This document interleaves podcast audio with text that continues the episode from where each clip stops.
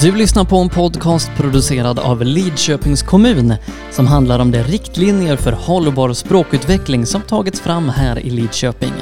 Du kan läsa mer om riktlinjerna och höra fler av våra avsnitt på hemsidan lidkoping.se. Detta avsnitt görs i samarbete med Susanna Anderstorff och Pirjo Ladenpere som är gäster i dagens avsnitt. সব বাচ্চা সব ভাষা সব দিন Hjärtligt välkommen ska du vara till ett nytt avsnitt av podcasten Alla barn, alla språk, alla dagar. Som vanligt med mig, programledaren Sebastian Borgert här i studion, även denna gång med Elisabeth Wallgren och Susanna Anderstaff. I det här programmet ska vi prata om samverkan mellan förskola och hem. Och Elisabeth, vad är dina erfarenheter och tankar kring det här? Ja, det finns många erfarenheter utav föräldrasamverkan. En del saker har väl gått bra. Andra saker kan man tänka med mm, att oj, hur tänkte vi nu då? När man har läst litteraturen och vi har haft mycket samtal tillsammans i den här gruppen som har suttit och jobbat nu ett år kring de här frågorna. Och eh, Susanna, du var ju uppe hos oss eh, här runt nyårsskiftet och eh, pratade interkulturalitet och samverkan och så. Och då var det ett eh, begrepp introduktion till förskolans utbildning sa du då. Och att man har en dialog med föräldrarna. Vi är väldigt bra på förskolan om, med att eh, ge information till föräldrarna. Men att du lyfter det att det är en dialog mellan förälder och förskola som en introduktion till förskolan. Den skulle vara intressant om du kunde berätta mer om. Ja, jag tänker att jag tänker så här kring det där att det, det är ju någonting vi har hållit på med länge. Det här med inskolning. Eh, och vi har skolat in barnen på något sätt till en verksamhet och det har varit traditionellt att man är en timme och sen är man två timmar och sen lämnar man lite och sådär. Och det har varit ibland ett fokus på att, att barnet ska liksom öva sig på att bli lämnad. Det är för mig mer inskolning. När jag pratar introduktion så tänker jag att vi övar på att vara tillsammans på en förskola istället för att, att fokus ska vara att man ska kunna bli lämnad där.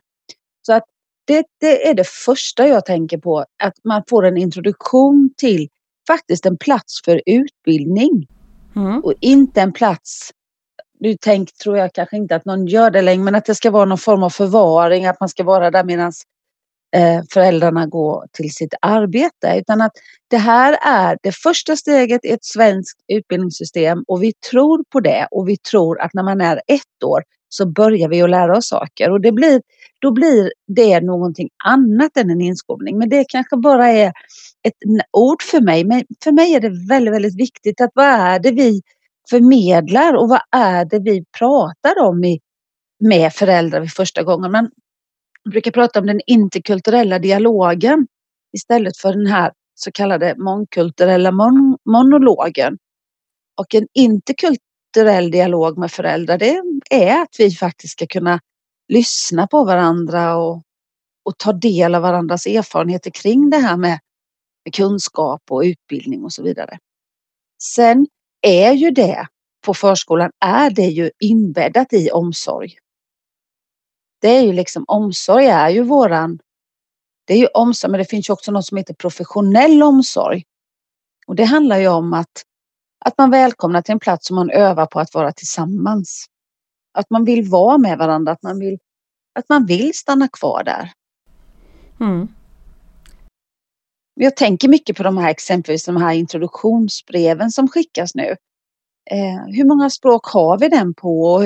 Hur kan vi göra det så att man känner att här är man välkommen med frågor? Det finns ju så oerhört mycket hjälpmedel vi har idag med olika appar och sådär så att vi kan förklara med bilder vad som händer på en dag hos oss. För har du aldrig varit på en förskola så du kan ju inte gissa dig till vad som händer. Vad har vi för norm om en bra förälder då? Ja, det är ju en jätteintressant fråga och den skulle jag egentligen vilja skicka med på vad, att man gjorde det på sina APT-träffar eller alltså vad, att de normerna, hur vill vi att en bra, vad är en bra familj för oss? Eh, hur ska man, hur ska man vara för att passa in här? Och det är ju i det interkulturella handlar det ju mycket om alltså hur vi ser på varandra och vad är då vad är en bra, vad är en bra dag på förskolan? Vad är en bra pedagog? Vad är en bra förälder? Eh, hur vill vi att de ska vara? Ska de stanna i hallen? Eller vågar de ta klivet över? Och vems ansvar är det i så fall? Hyllar vi liksom familjer som, som alltid de kommer i tid, de är hemma de dagarna som är klämdagar. Eh, de, eh, ja, de lämnar min sann inte i onödan och de går på kommosse med väl utrustade med kläder efter väder och handskalade morötter. Jag skojar mig men vad finns det för norm i att vara en bra förälder? Du säger inte ju att det är fel att ha handskalade morötter. Jag kanske har maskinskalade med men eh, alltså vad finns det för norm att kunna vara människa på? Likaså som förskollärare eller barnskötare eller modersmålslärare. Vad har vi för normer hur vi ska vara? Vad krävs av oss som rektor? Det måste man prata om för en samverkan oavsett vem det är, om det så är med familjen eller något annat, så, så styr det ju, alltså normer styr förväntningar på vem den andra ska vara. Och Absolut. när det inte riktigt passar ihop så kan man ju börja störa sig på det. Ja. Det får man passa sig för. Tambursituation då? Eh, mm. Läste i en bok eh, som eh, Polly William Björk har skrivit om att eh, tambursituationer kan ju se så olika ut. Ja. Ehm, eh, normer, hur får vi, alltså, vad vi tror att föräldern förmedlar men det kanske inte alls är som föräldern tänker. Att man stannar sig kvar, eh, vi, eh, får alla samma svar på sina frågor. Eh, det mm. finns ju mycket tankar kring tambursituationer, vad tänker du? Ja, denna plats denna plats där vi ska mötas som människor på så många olika sätt och vilket språk ska vi prata där och vad är det vi ska berätta egentligen? Det, det finns ju faktiskt ganska mycket forskning kring just tamburen. Eh, nej men det jag tänker är att alltså jag tänker att, att det finns ju en norm hur man ska vara i den här tamburen. Och den måste vi prata om. Vad är det vi vill, vad är det vi vill ska hända där? Eh, vill vi att man ska vara en lagom tid så man ska inte sitta kvar för länge? ska man ens bara gå in och, och, så ska man liksom ropa på sitt barn och då ska helst barnet komma. Nej men hejsan svejsan vad roligt att du kom. Nu följer jag med dig hem. Alltså hur ska vi vara och hur ska, hur ska vi agera? Och det tycker jag vi ska prata om. För mig är ju en självklarhet att tamburen är en mötesplats där vi kan skratta, där vi kan ställa frågor, eh, där vi på något sätt har tid för varandra. Men jag vet att det, man har inte alltid tid. Och då ska man också kunna säga det vid introduktionssamtalet att vid vissa dagar så kan vi ha lite svårt att prata men du ska veta att dina frågor är alltid välkomna. Fråga om du undrar någonting. Det är ju det som vi är här för. Vi har ju en profession. Om jag går in i ett väntrum, eh, om jag ska gå till läkaren så vill jag ju ha ett professionellt bemötande. Jag vill ju inte att de står och tisslar och tasslar och pekar och säger. Utan jag vill ju vara... Jag vill ju känna mig välkommen. Och sen måste man ibland säga, nej men nu är det så här, jag är på den här avdelningen och idag är det sjukt så vi måste gå över. Alltså, det finns ju alltid så, men generellt måste man sätta sig ner och prata om vad vill vi ska hända i den här tamburen? Och vilka vill vi prata med? Har vi en vilja att samtala med alla eller är det så att vi pratar mer med vissa och så vidare. Och att man för en dialog hela tiden med föräldrarna. Helt rätt. Att vi kan inte veta allt. Och jag gillar inte det där att, att eh, föräldrar är experter på sina barn. Eller så. Jag gillar inte att sätta den etiketten. Men vi har ju erfarenheter av, en ettåring kan ju inte välja oss en ettåring är, kan inte gå hem och säga någonting utan det, familjen måste lita på oss att vi gör ett bra jobb. Och bara den maktaspekten gör ju att vi ska vara så ödmjuka när vi går in och att vi ibland får kritik, vilket inte gör någonting. Så är livet. Ibland blir man lite sådär att, att det har hänt saker, men att om vi jobbar med, som vi var inne på det här med lekar och vi försöker vara närvarande, vi försöker Eh, Eh, problematisera vad vår närvaro gör med andra människor och så vidare. Så tror jag att vi kan prata om allt. Men om vi är konstant det steget efter så är vi också steget efter i tamburen. Och då blir det bara, jag vet inte vad som hände eller sådär. handlar om att bygga relationer, det handlar om att jobba långsiktigt och hållbart och inte vara rädd för att i det här fallet tycker vi olika. Vissa saker förhandlar vi om men vissa saker kan jag inte förhandla om. Men att man möts där tänker jag. Även om man inte kan, man, ja. även om man inte kan alltid tillgodose alla behov så kan man ju förklara så att alla förhoppningsvis förstår att det här är alltså det här kan man förhandla om och det här är det som gäller för att alla ska oh. må bra.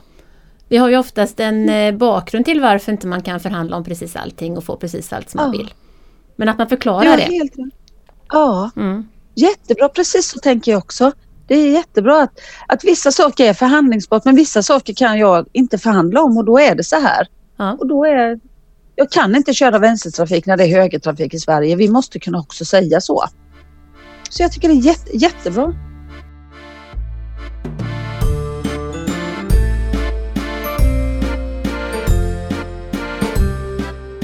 Vi ska nu åter prata med Pirjo Ladenperä, professor i interkulturalitet, som ska få berätta mer om vilka möjligheter det finns inom förskolan när det gäller föräldrasamverkan och uppfostran. Ja, det är ju, det är ju, man har ju stora möjligheter därför att eh, jag har ju förstått också när jag läser väldigt mycket av eh, undersökningar och, och, att hur föräldrarna som har med annan etnisk bakgrund och äh, utbildningsbakgrund, migrationsbakgrund och vad man nu säger, eller nyanlända, hur osäkra de känner sig när de lämnar sina barn till svensk förskola. Och förskolan ser ut väldigt eh, speciell också i, i Sverige. Allting är så ordnat och fint och det är ganska svårt att vara också en förskoleförälder. Så äh, på det sättet har man stora möjligheter också att nå föräldrar och också få dem att förstå vad är, vad är, vad är viktigt i Sverige, hur, hur det ser ut och göra den svenska kulturen och, och Sverige begripligt.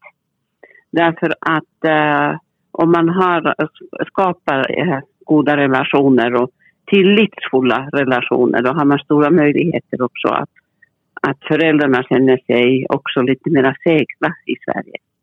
Eh, men vilka hinder eh, finns här eh, som behöver överbyggas eller tas hänsyn till? Förskolan är ju så att självklart att det finns ju ingen där som självklart har en roll för att, att ha goda relationer med föräldrar eller samverka med föräldrarna. Det är ju så att det är oftast eh, samverkan handlar bara om att man lämnar barnen till förskolan och då säger man någonting i tampuren. Ungefär så. Så att man måste, måste på något sätt bestämma sig att hur gör vi nu när vi har föräldrar som kommer från med olika bakgrunder, olika tänkande, olika, olika tolkningar av hur, hur till exempel jämställdheten ser ut och sånt. Hur ska vi arbeta med det här? Så att man måste ju på något sätt satsa på det arbetet. Och eh, det, det, finns ju förskolor som har gjort jättebra jobb, till exempel i Flen, som har också samtalsgrupper med föräldrar och, så att man, att man kan förstå hur, hur, hur det är i Sverige. Och, och sen att man kan lita på förskolan. För det värsta är det att om man måste lämna barnet till ett ställe där man känner att eh, personalen är lite negativ när det gäller eh, det här barnet och berättar inte att man förstår inte riktigt vad det är som är fel. Så att, eh, det där är otroligt viktigt att man, man tänker sig att det här är ett, alltså en arena och att den rädslan som också, eller osäkerheten som föräldrarna kan känna, Eh, det tas ju upp i boken Den interkulturella förskolan om monokulturell arena och interkulturell arena. Vill du lyfta fram det viktigaste för att förskolan ska kunna bli en interkulturell arena? Ja, det, först är det ju så att man måste förstå att det är ett, eh, alltså ett eh, hur ska jag säga, mångkulturell arena och barnen ska behandlas också utifrån att de de har några resurser att komma med. Till exempel, bara en enkel sak är det här att man man kan ta reda på vilka språk som finns i, i, i barngruppen och, hur, och att man lyfter fram att det, det är väldigt bra att kunna olika språk. Och eh, på det sättet kan man bygga upp då att, eh, att eh, det där att man kommer från olika länder och att man kan, kan ta en naturlig del i, i eh, förskolans arbete. Att det är olika och att vi är olika som barn och vi är olika som människor. Att vi, eh, och då betyder det att då måste man på något sätt eh, i personalgruppen också diskutera det här och ha någon typ av kollegialt lärande, att man lär sig av varandra. Hur, vi, hur gör vi nu? Hur arbetar vi det här?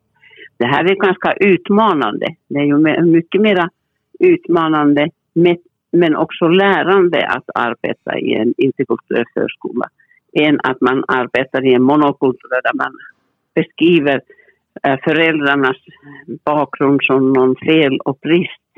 Det här måste vi lära dem. De, de kommer med ett helt felaktiga Vi har fått fel barn i förskolan. Och det är ett sånt där monokulturellt tänkande. Att man beskriver föräldrarna och barnen som att de, de saknar kompetens, de har fel, de har fel eh, eh, värderingar och etc.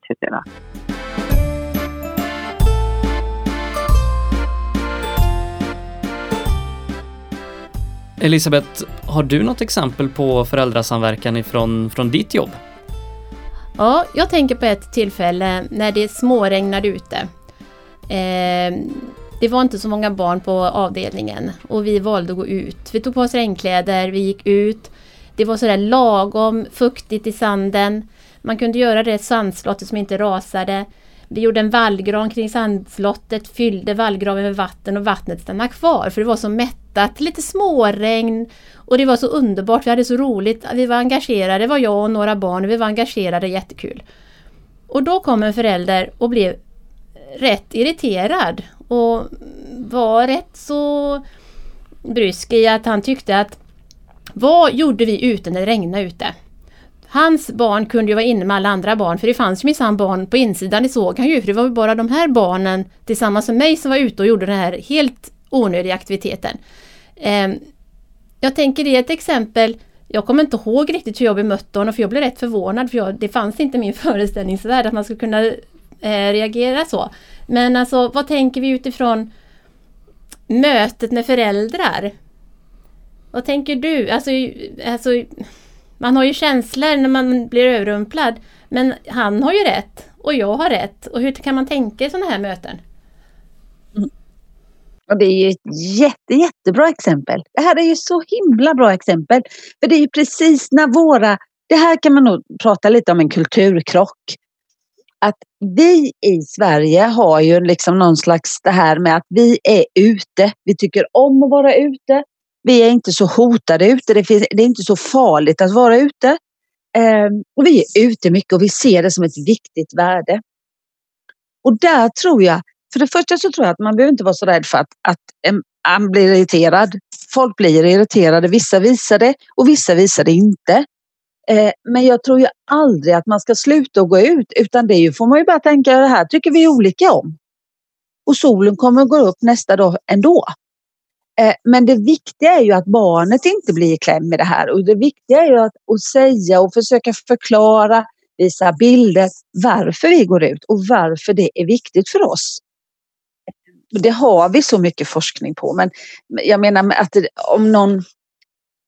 Ja, alltså det, jag, jag menar att man, man ibland får ta, ibland blir folk lite irriterade över det man inte känner igen.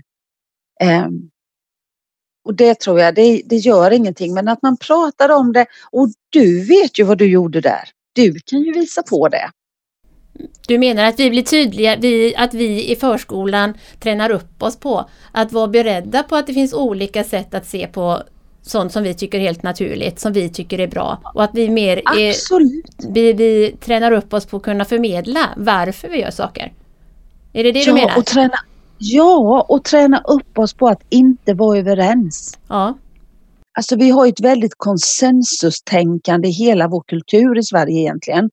Att ett bra samtal som du och jag har haft, då har vi varit överens. Och man vill gärna sluta samtal med att säga, ja men det kan vi ändå vara överens om. Nej, i de här interkulturella dialogerna så kanske vi inte är det. Vi kanske inte är överens. Men du vet ju, du kan ju inte sluta gå ut att, och se det här fina i regnet och mättade sanden och allt. För att en, en förälder inte tycker det är okej. Okay. Nej. Det, det är där vi måste gå in liksom. Men vänta lite nu, här är det. Och så får vi väl visa på. Med, med naturkunskap, med matematik, med språk. Att det händer mycket här. Och sen kommer kanske inte den här föräldern tycka att det är jordens bästa idé. Men det får vi ibland inte strunta i, men inte lägga för mycket energi på. Om jag återkopplar igen till när vi träffade dig, sa du någonting eh, att eh, eh, när man kommer i sådana här situationer, som till exempel det här med att vi var ute och lekte i sanden och föräldern tyckte inte att det var så eh, fiffig idé. Att man kan återkoppla till introduktionssamtalen och introduktionen. Ja, precis. Precis! Och det är ju där vi börjar, när vi berättar, när vi visar bilder och varför vi gör saker. Ja, men vi är ute för att då är det det här och det här och det här. Den här sanden vi har här, den, den är liksom speciell som man kan bygga med. Att, att vi tidigt berättar vad det är vi håller på med och redan där säger, vad tänker ni om det? Mm. Som en förälder sa till mig, nej men alltså vi, skog för mig är väldigt farligt. Att vara ute i skogen är farligt. Alltså det har jag alltid blivit upp. Jag är uppväxt med att det är farligt att vara i skogen. Det finns ormar, det finns vilda djur. Alltså det kan finnas miner som är nedgrävda. Hon kunde räkna upp massvis med saker som gjorde att skogen var en farlig plats. Och när jag berättade, men vi går ofta till skogen, så kan ju inte hon tänka så här, nej men nu är jag ett helt annat land. Nu är jag, behöver jag inte vara rädd.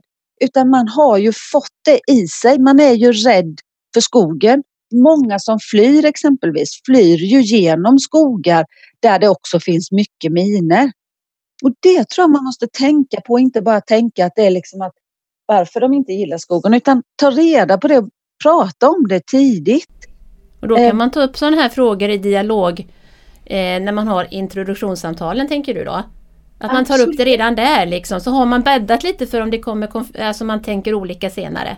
Ja men precis, så att man, att man har, alltså det finns ju en del som har liksom lite filmer ifrån vad som händer på dagarna och då kan man ju tänka att man visar eh, vad vi gör ute, man kanske visar om man har någon kojplats i skogen. Man visar olika, eh, ja, olika pedagogiska handlingar om vi ska återkoppla till det begreppet, som vi gör. Mm. Och då, eh, uteleken är ju fram, absolut en sån i sandlådan, där är vi ju ofta. Och då redan där pratar man om det och så frågar man hur tänker ni kring det här? Är det någonting ni har frågor på? Och då kan man få reda på detta att, att som den här föräldern då som helst inte ville komma med sitt barn de dagarna där det var skog. Och att man då på något sätt bjuder in och du kan följa med.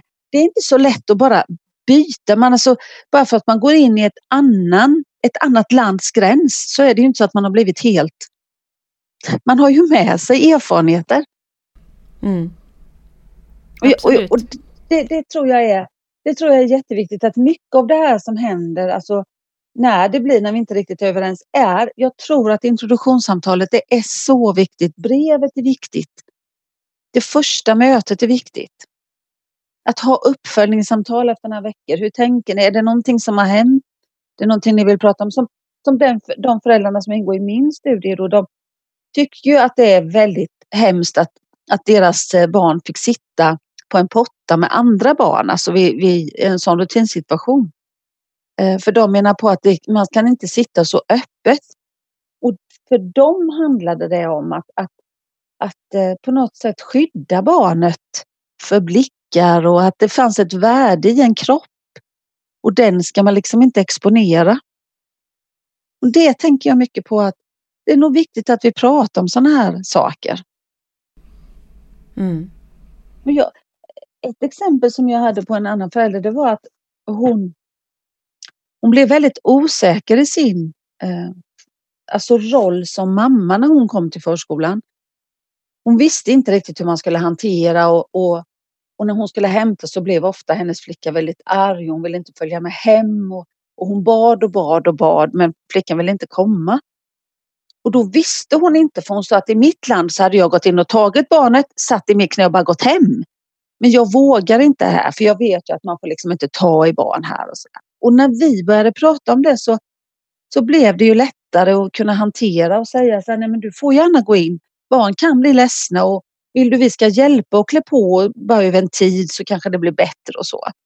Och jag, jag tror att det är så viktigt att vi pratar om det.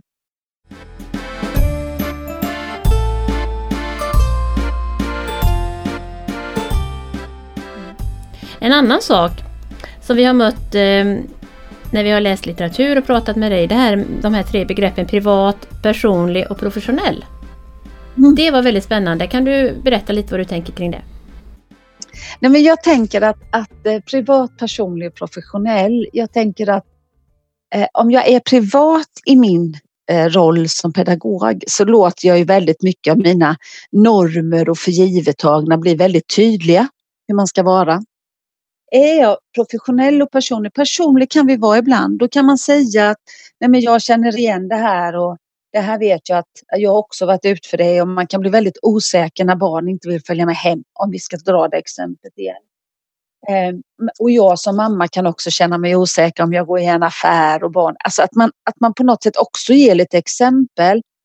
Ehm, men att man framförallt är professionell och det är att via sina personliga erfarenheter sen var den här professionella rollen precis som en precis som en läkare. Om jag går till en läkare och säger att jag har ont i knät så vill jag inte att läkaren berättar för mig hur fruktansvärt ont den har haft i sitt knä. Utan det kan ju vara skönt att känna, mm, jag känner igen det problemet. Eh, men så här ska vi göra. Och där tror jag att våran professionalitet går in. Eh, att vi vet vårt uppdrag. och att vi, vi är säkra i det och vi har en relation med föräldrarna som säger Tycker du att det är jobbigt för den här situationen? Hur kan vi hjälpa dig? Ska vi göra så här? Kan vi göra så här? Vi brukar göra så här här. Att vi är, att vi är på något sätt att vi är samarbetspartner. Och att vi har respekt för varandra och ja. Då tänker jag att, att och det är viktigt att vi har pratat om det i arbetslaget. Att hur är vi professionella och är vi professionella i personalrummet? Jag är fortfarande student ibland som kan säga att det pratas i personalrum. Jag, jag tycker det finns så oerhört mycket att prata om i världen. Man behöver inte prata om föräldrar. De flesta gör ju så gott de kan. Jag har faktiskt väldigt få gånger träffat föräldrar som har tänkt att jag ska göra det absolut sämsta för mitt barn. Jag ska vara en så dålig förälder som det bara går. Tvärtom. Alla försöker göra rätt. Alla försöker vara en bra förälder. Men man kan ju tänka hur det skulle vara om man skulle flytta till en helt annan kultur. Och, inte behöva, och, man, och, och definitivt om man inte ens har valt att flytta till en helt annan kultur. Hur skulle det mm. kännas? Det kanske ja, är nyttigt ibland att tänka igenom hur skulle det kännas för mig att lämna mitt barn om jag inte vet hur det går till. Att våga ja. tänka de tankarna. Ja, nej men jag håller helt med dig och jag tänker mycket på de familjerna som jag har Alltså jag tror ju inte att någon sätter sig i en gummibåt men eh, som i det här fallet då, hon var ju hon blev ju skjuten, Maja, när hon var tre år, precis innan de skulle fly. Eh, så blev hon ju skottskadad av en prickskytt. Alltså de gör då en flykt på ett hav som stormar. De är på, i en gummibåt i 14 dagar och flickan är riktigt, hon är tre år. Eh, och alla vi som, som lyssnar på den här har ju sett en treåring och all den det liv som kan finnas i denna kropp. Eh, väldigt svårt medtagen. Man går igenom elva länder i Europa och man kommer till Sverige. Man bor på flyktingförläggning och sen kommer man till en förskola. Och den första frågan man får där är Har hon någon allergi? Och då måste man sätta sig ner och fundera på det mellanmänskliga mötet. Eh, och jag tror att det vi kan lära av det här eh, att ta del av andra människors erfarenheter det är också att vi kan bli faktiskt mer ödmjuka inför hur bra vi har det och hur bra faktiskt förskolan i Sverige är. Eh, och gärna fråga, vill du berätta om din flykt? Vill ni berätta hur ni kom hit? Sen är det valet deras. Men frågan kan vi ställa för att vi vill veta. Eh, nu gick det ju bra för Maja. Eh, och Maja några år senare har ju fortfarande stomi men visar personalen ganska tydligt hur man ska byta och jag, jag tror att det finns oerhört mycket kraft i det.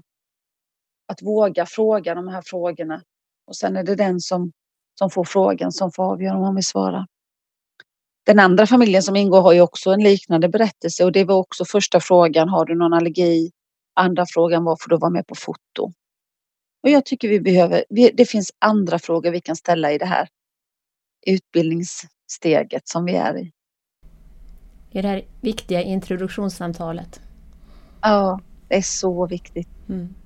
Jag tror att om vi också visar intresse för det så kan vi också prata om ett gemensamt intresse och det är utbildning på förskolan, hur betydelsefull den är. Vi ska alldeles strax börja runda av eh, det här avsnittet eh, av podcasten Alla barn, alla språk, alla dagar. Vi har ju haft förmånen att i tre avsnitt ha med Susanna Anderstav som gäst som har varit med och, och pratat här, bland annat om interkulturellt förhållningssätt, flerspråkighet och språkutveckling och i det här avsnittet samverkan mellan förskola och hem. Eh, och Elisabeth, eh, vad vill du liksom att man ska ta med sig när man har hört de här delarna och de samtalen som vi haft? Jag tycker man ska... Det som varit, det me mellanmänskliga möten tycker jag har varit viktigt. Att man ser varandra, att man möts som människor.